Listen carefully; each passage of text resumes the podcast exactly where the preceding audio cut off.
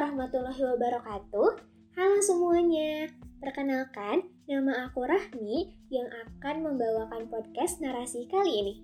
Teman-teman tahu nggak, 25 November itu diperingati sebagai hari apa?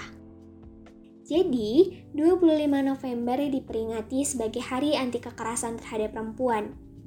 Penetapan tanggal ini bermula ketika pada tahun 1960 tepat pada tanggal yang sama yaitu 25 November tiga bersaudara dari Republik Dominika yang bernama Patria Mercedes Mirabel, Maria Argentina Minerva, dan Antonia Maria Teresa Mirabel menghembuskan nafas terakhirnya setelah mengalami penyiksaan yang dilakukan oleh kemiliteran. Mirabel bersaudara tersebut merupakan aktivis politik yang memperjuangkan demokrasi dan keadilan serta menjadi simbol perlawanan terhadap kediktatoran penguasa Republik Dominika pada saat itu. Pada tahun 1981, pertama kalinya dideklarasikan tanggal 25 November sebagai Hari Internasional untuk Penghapusan Kekerasan Terhadap Perempuan dalam Kongres Perempuan Amerika Latin pertama. Kemudian, di tahun 1999, PBB akhirnya menetapkan 25 November sebagai Hari Anti Kekerasan Terhadap Perempuan. Berbicara mengenai kekerasan, saat ini bentuk kekerasan itu sangat beragam dan tidak hanya terjadi dalam dunia politik saja.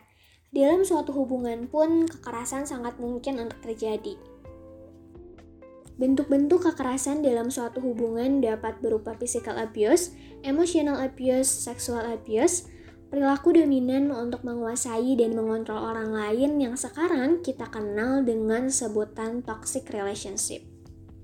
Pada podcast kali ini, kita akan membahas lebih lanjut mengenai toxic relationship. Nah, toxic relationship menjadi salah satu permasalahan yang sebenarnya sering kita temui namun jarang disadari yang ditandai dengan perilaku pasangan yang menimbulkan ketidaknyamanan secara psikologis. Hubungan yang tidak sehat ini dapat menguras energi seseorang karena secara terus-menerus mendapatkan tekanan secara mental, emosional, psikologi, bahkan hingga secara spiritual. Toxic relationship ini bukan hanya terjadi pada hubungan sepasang kekasih saja, karena juga dapat terjadi pada hubungan dengan teman sebaya. Sebuah hubungan yang dibangun dengan tujuan baik di awal sehingga terciptanya rasa percaya, rasa aman, nyaman, dan saling menghargai membuat hubungan tersebut menjadi sangat kompleks. Sehingga kita maupun orang lain terkadang tidak menyadari bahwa sedang berada dalam hubungan yang tidak sehat. Semua hal tersebut diawali dari kata cinta. Cinta sebagai bentuk emosi yang paling dalam dan sangat diharapkan oleh setiap manusia.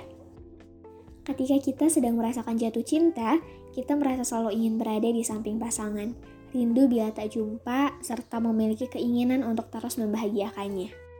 Beberapa orang bahkan rela melakukan apa pun mengatasnamakan cinta hingga dapat melakukan perbuatan-perbuatan yang justru dapat membahayakan dirinya. Tak jarang pula orang berpegang teguh pada prinsip bahwa ia rela mati daripada harus kehilangan cintanya. Hubungan menjadi sebuah kisah yang kita ciptakan sendiri di mana masing-masing dari kita berperan sebagai pemeran utama. Namun saat kisah indah yang berusaha kita bangun justru tidak sesuai dengan harapan, muncul sejumlah konflik yang dapat melibatkan kekerasan. Kekerasan dapat terjadi pada berbagai kalangan karena tidak memandang usia maupun jenis kelamin, Berbagai bentuk kekerasan dapat berupa kekerasan fisik, di mana terjadi tindakan memukul, mencekik, menendang, menginjak, melukai, bahkan hingga membunuh. Tentunya kekerasan secara fisik ini dapat kita lihat dengan ciri adanya memar, cacat fisik, bahkan hingga kematian pada korban. Kekerasan secara psikologis dapat berupa tindakan pengancaman, berteriak, melecehkan, menguntit, memata-matai, hingga tindakan lain yang menimbulkan rasa takut pada sang korban. Akibatnya akan muncul perasaan terancam, tidak tenang, khawatir, dan takut untuk melakukan aktivitas sehari-hari yang biasanya memang dilakukan korban. Sedangkan kekerasan secara seksual berupa kekerasan yang mengarahkan kepada ajakan atau desakan seksual seperti pelecehan seksual, penyimpangan seksual, pemaksaan hubungan seksual, pornografi, pelecehan terhadap alat vital, ucapan yang melecehkan dan menjerumuskan ke aspek seksual. Kekerasan ini dapat melibatkan adanya ketidakseimbangan mental dan juga trauma bagi korban. Setiap manusia memiliki kepercayaan dan keyakinan dalam hidupnya untuk menentukan prinsip dan tindakan yang akan ia lakukan. Dalam perspektif Islam sendiri, sangat menjunjung tinggi dan mengapresiasi cinta, kasih sayang, perilaku lemah lembut, dan keharmonisan. Seperti yang terkandung dalam Quran Surat Ar-Rum ayat 21 yang berarti di antara tanda-tanda kekuasaan Tuhan adalah bahwa Dia menciptakan pasangan untukmu dari jenismu sendiri, supaya kamu cenderung dan merasa tentram kepadanya, dan dijadikannya di antara kamu kasih sayang. Sesungguhnya pada yang demikian itu benar-benar terdapat tanda-tanda bagi kaum yang berpikir. Tuhan sangat membenci yang namanya kekerasan. Hubungan yang sudah tidak lagi sehat membuat orang di dalamnya cenderung melakukan hal-hal yang tidak baik untuk dirinya sendiri maupun orang lain. Sekarang mari kita sama-sama merefleksikan diri mengenai hubungan kita dengan orang lain. Karena bisa saja ternyata selama ini kita berada dalam hubungan toksik tapi tidak menyadarinya. Jika kamu, kita, mulai menyadari bahwa ternyata selama ini berada dalam hubungan yang toksik, kita bisa mencari tempat yang dapat dipercaya untuk sekadar berbagi atau mencari solusi dari permasalahan yang dihadapi. Memang tidak mudah untuk mengungkapkan apalagi saat diri merasa terancam, tetapi diam bukanlah suatu jawaban, karena diam hanya menimbun luka dan membuat kita semakin telarut dalam hubungan itu. Satu hal yang ingin aku sampaikan bahwa jika kamu berada dalam toxic relationship, itu bukan kesalahan kamu, dan aku harap kamu tidak menyalahkan dirimu sendiri karena berada dalam hubungan tersebut. Berani mengakui, menyadari bahwa kamu sedang berada dalam hubungan yang tidak sehat merupakan suatu langkah yang besar untuk keluar dari hubungan tersebut. Jika mungkin bukan kamu yang berada dalam hubungan tersebut, mari kita sama-sama perhatikan orang-orang di sekeliling kita Mungkin saja mereka sedang berada dalam hubungan toksik tapi tidak tahu bagaimana caranya untuk keluar.